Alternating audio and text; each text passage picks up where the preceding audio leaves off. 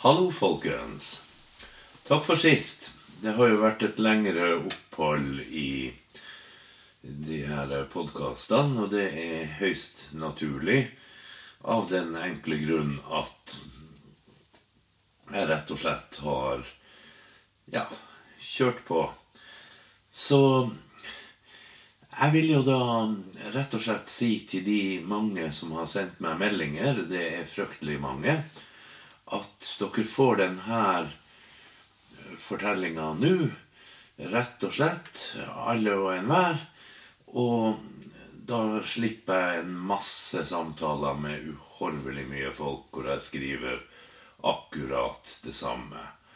Så da er det egentlig bare én ting å, å si, og det er at her er hele historien. Det er jo historie sjøl om det er en Ja, skal vi si en ny historie. Så sånn sett så er vi jo innafor. Så vær så god. Her er det. Hør etter og kos deg.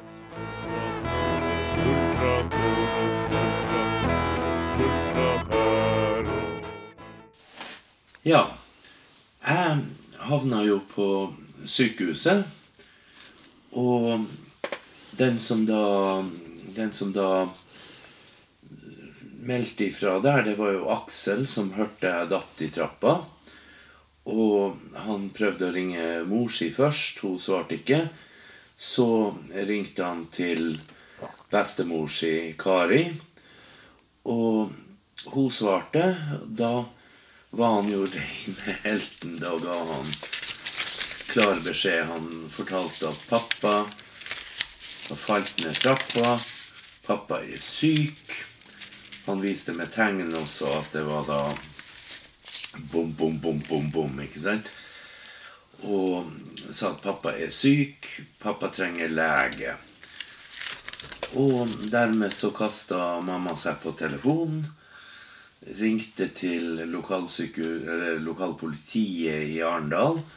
De satte henne videre til legevakta i Oslo, og på et kort øyeblikk så fikk hun da beskjed om at her var det, var det da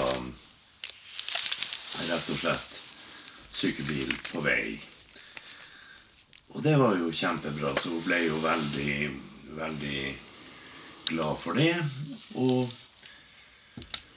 ringte hun og informerte broren min, og ringte til Bergljot. Og så ringte hun tilbake til Aksel, men Aksel hadde jo da allerede åpna døra og sluppet inn de her eh, ambulansefolkene, så det var veldig bra.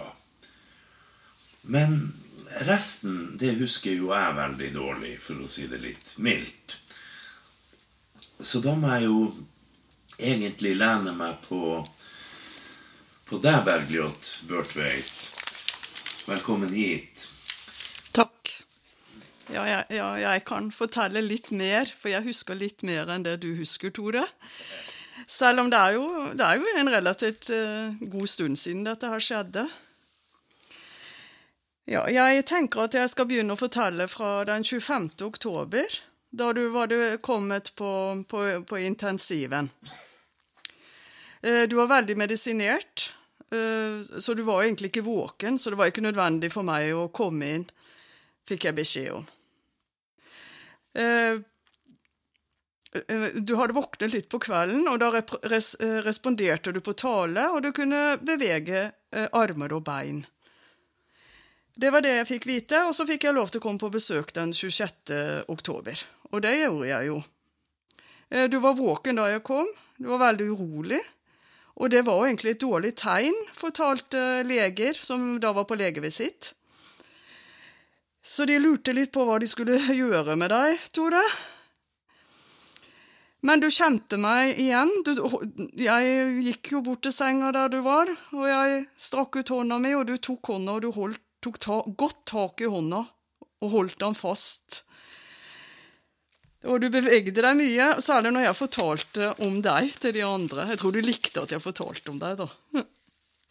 Men så ble det bestemt at du skulle opereres. De, så, de hadde sett at det var en, eh, blod, en slags blodpølse som hadde lagt seg mellom hjernen og hodeskallen. Og da ble det trykk på hjernen. Jeg var hos deg helt til du ble trillet inn på operasjonsbordet. Og da, da gråt jeg en skvett. Aks... Ja. Og så, men mens Tode var på uh, operasjonsbordet, så snakket jo jeg med sykepleier og sånt, og vi fant ut at Aksel og jeg skulle få besøke neste dag. Ja, jeg kom på besøk, og det var helt annerledes. De hadde jo klippet både hår og skjegg. Du var liksom ikke der sjøl, men jeg satt der hos deg. Du lå i kunstig koma. Jeg fikk, jeg fått, jeg, sykepleien var en sykepleier som hadde sagt til meg at det var lurt at jeg tok mye bilder og noterte hva som skjedde, for at du, Tore, kommer til å få et, et, et tomrom i hukommelsen, for du kommer ikke til å huske noe fra Ullevål. Så det har jeg gjort. Ja, og det er jo fint at jeg gjorde det. Eh, neste dag så fikk jeg komme på besøk og besøke deg, Tore. Og da fikk jeg den beskjeden om at du måtte opereres en gang til. De, de, de, du hadde blitt operert inn en slags sånn måler som skulle måle hvordan det var i hjernen din. Men denne, dette her hadde forskjøvet seg, og da fant de ut at de, at de måtte operere en gang til. Og da ville de også operere inn et dren, fordi de merket at hjernen utvidet seg. Den hovnet opp. Akkurat sånn som når vi detter og slår oss, så hovner det ofte opp. Så da satt jeg hos deg nok en gang til du blei trillet inn på operasjonsstuen. Etter det så eh, dro jeg til Aksel i omsorgsboligen hans, for jeg ville snakke med omsorgspersonene hans. Fordi Aksel skulle jo komme på besøk på ettermiddagen. Og det er jo fint for Aksel å kunne bli litt forberedt for å se pappaen sin, som var så annerledes, med hår og skjegg, som ikke var der lenger.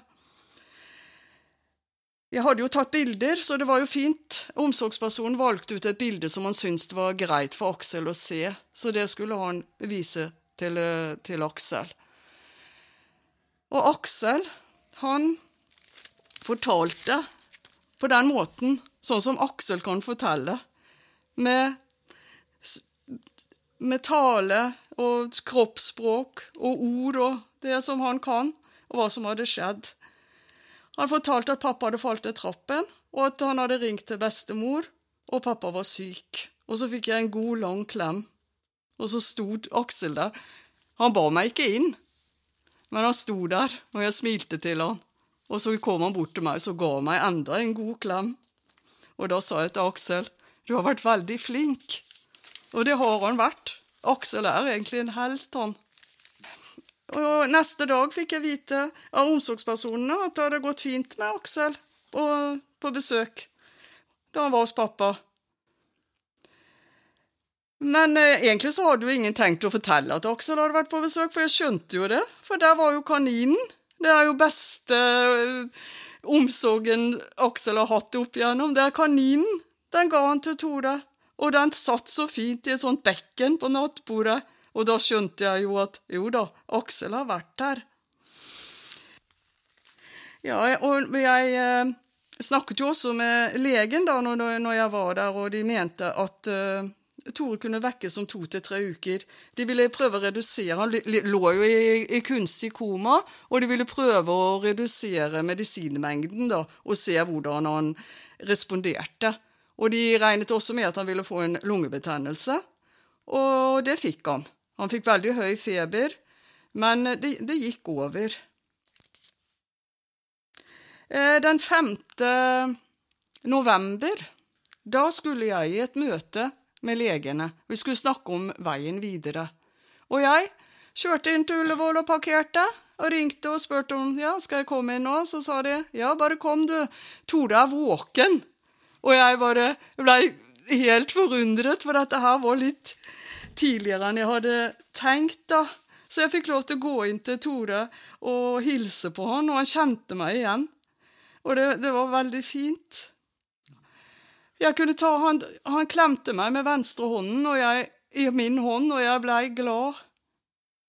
men han kunne ikke snakke, og høyresiden, den beveget seg ikke. Men eh, at han ikke kunne snakke, det var mest sannsynlig fordi at han lå på respirator og ikke stemmebåndet fikk nok luft, så jeg klamret meg til det håpet. For tenk på Tore, da, uten stemme. Det hadde vært rart. Det hadde jo vært helt fryktelig, egentlig. Helt forferdelig.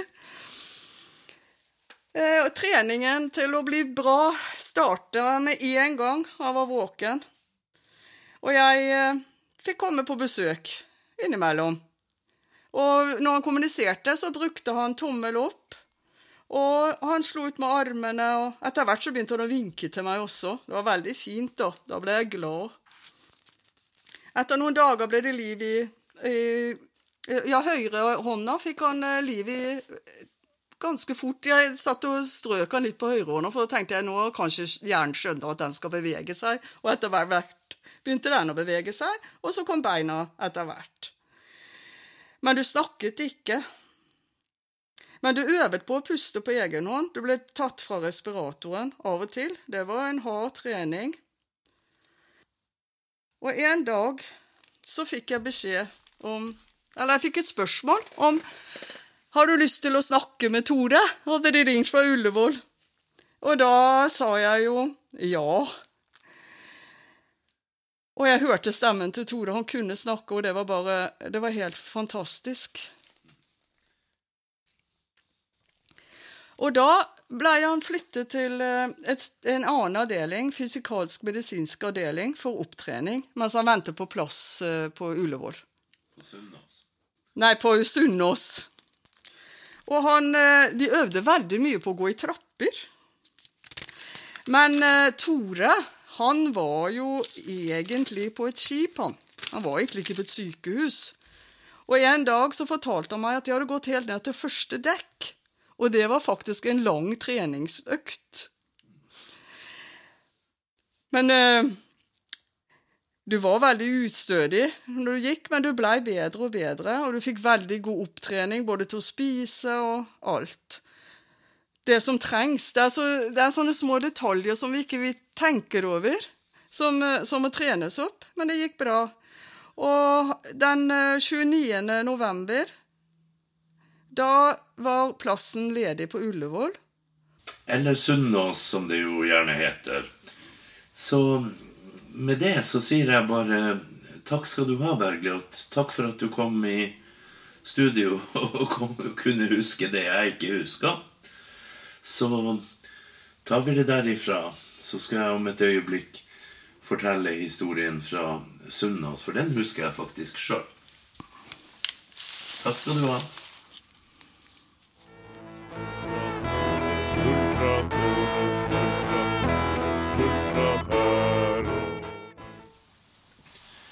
Så tilbake til det jeg sjøl husker. Jeg husker egentlig bare så vidt fra, fra Ullevål sykehus. Jeg husker siste kvelden og dagen etter når jeg ble kjørt ut til Sunnaas. Så det var jo ikke store greiene, egentlig, jeg huska. Og derfor var det jo veldig godt å få støtte her fra Bergljot, som husker betraktelig mer. Men uansett. Jeg ble jo skrevet ut av Ullevål og sendt på opptrening til Sunnaas på rehabilitering. Og det var jo veldig godt å oppleve. Jeg kom dit litt sånn tidlig på ettermiddagen, hvis jeg husker riktig. Og var i, i dårlig form. Jeg ble jo trilla inn på rett og slett på ei, ei trille, en ja, ei båre, rett og slett. Og snakka veldig dårlig. Det første uka var frustrerende, for jeg visste hva jeg skulle si. Men å få frem ordene var så godt som umulig. Så det var ikke bare bare enkelt. Men i alle fall, jeg gikk i gang med med trening. Og ganske snart etter ei ukes tid, så kom ordene tilbake.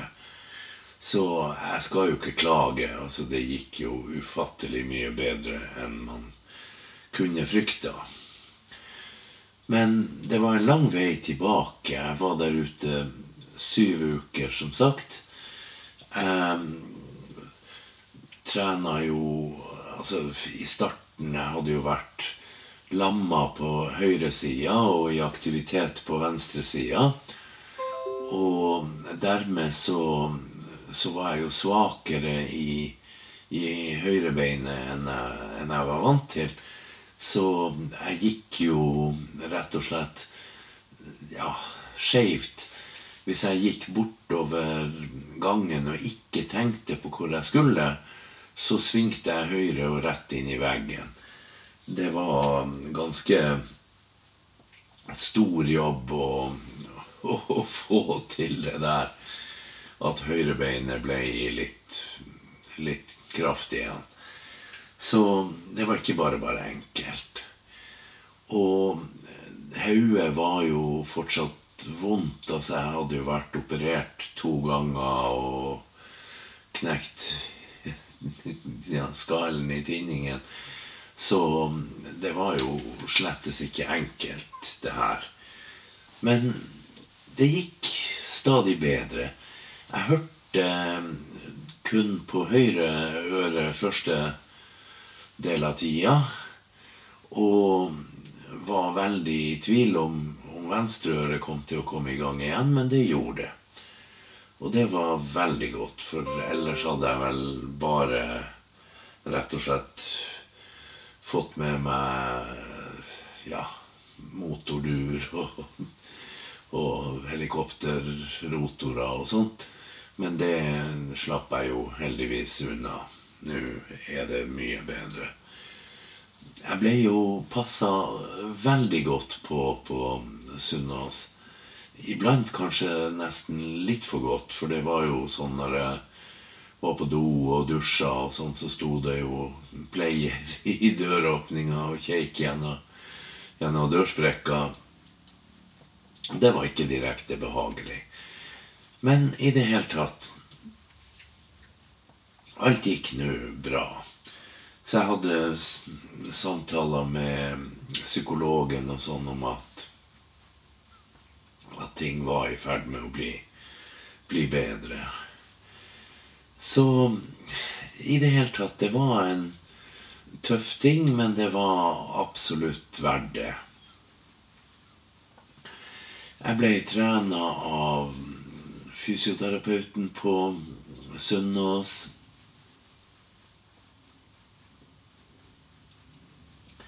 Jeg ble da trena av logopeden der ute. Jeg snakka med psykologen der ute, og legene og alt. De fulgte meg veldig nøye opp. Så sånn sett, det var en, en god opplevelse, sjøl om det var tungt. Men jeg gikk jo og vasa rundt i folk som var alvorlig skada mye verre enn jeg var, og fikk se litt av hvordan det faktisk kan gå. Så jeg skal ikke klage på noen måte. Jeg har hatt det veldig mye bedre enn mange andre. Så alt i alt en solid opplevelse. En ganske skremmende og heftig opplevelse. Veldig mye hardt arbeid og trening. Men det har vært Det har gått bra, rett og slett. Så 26. januar ble jeg skrevet ut fra Sunnaas og dro hjem. Og der har jeg altså vært siden. Har vært hjemme, har gått til fysioterapi på, på Furuset senter. Og det er jo en god opplevelse, det òg, men. Jeg er fortsatt sykmeldt på syvende måneden. Og det blir nok enda en stund til jeg kan prøve meg i jobb igjen. Sånn er det bare. Jeg har ikke så vondt i hodet. Det har gått helt fint med. Men jeg har vondt i armene og i knærne. Og det trener jeg fortsatt på. Det blir jo mye bedre enn det var. Men det er et langt lerret å bleike å få det der til å gå seg til. Så, så enkelt er det. Så sjøl om jeg er på bedringens vei, mye, mye bedre enn jeg har vært, så er jeg ikke i stand til å gå ut i arbeidet enda. Men det kommer nok.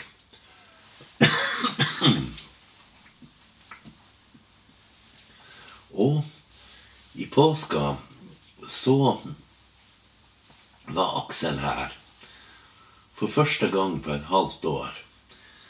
Jeg var veldig spent på hva han kom til å føle når det gjaldt trappa jeg datt ned, og hvordan det var, og at han var veldig uvant med å være hjemme og sånt. Men det skulle jeg ikke bekymre meg for. Tvert imot. Han var så sjeleglad for å være hjemme igjen. Han forsvant rett opp på rommet. Men ikke dermed sagt at jeg fikk fred. For han heiv seg rett på trådløse mikrofonen han har oppe og sang ned til meg gjennom mikrofonen. Og måtte ha applaus og bravo-rop og full pakke. Det var ingen hvile å få. I hvert fall ikke det første døgnet. Men han var fem dager. Han kosa seg som bare det. Stortrivdes. Og dro hjem. Da var han rett og slett uvillig til å dra igjen. Så det her går bra. Og jeg ga han jo tilbake kaninen Petter Sprett når han kom hit. Og han ble så glad. Han var så stolt. Og han tenkte at den kaninen har jo berga pappa gjennom all sykdommen. Så det er ikke noe tvil om at han visste hva det var snakk om. Og at han visste hva det her skulle tjene til. Så sånn er historien. Nå har jo jeg sittet hjemme siden slutten av januar. Jeg har hatt problemer med å sove. Jeg har vondt, særlig i høyre skuldre. Jeg syns det er vondt i det hele tatt å ligge både på høyre og venstre arm. og det er ikke veldig artig. Det, det, er det virkelig ikke. Men jeg kjenner jo at det går rett vei. Jeg kjenner at ting kommer til å bli bra. Sjøl om det er et stykke igjen. Og dermed så er jeg egentlig ved godt mot. Så til de av dere som bekymrer dere over meg som ikke har fått svar, fordi jeg har jo hundrevis på hundrevis av meldinger som jeg skulle ha svart på, som jeg ikke har fått svart på fordi jeg har hatt mye annet å drøfte med. Det går helt fint. Det blir ordning på det her. Så bare slapp av. Vær klar over at dere har fått høre hvordan det går, det har dere hørt her på, på podkasten. Jeg kommer til å fortsette å sende podkaster og sånt etter hvert. Og dere har absolutt ikke hørt det, det siste fra meg. Men for nå så avslutter jeg rett og slett denne sendinga med tusen takk til alle som har bekymra seg for meg sjøl om dere ikke har fått svar. Og ja, i det hele tatt Sov godt. Ha det fint. Vi snakkes igjen.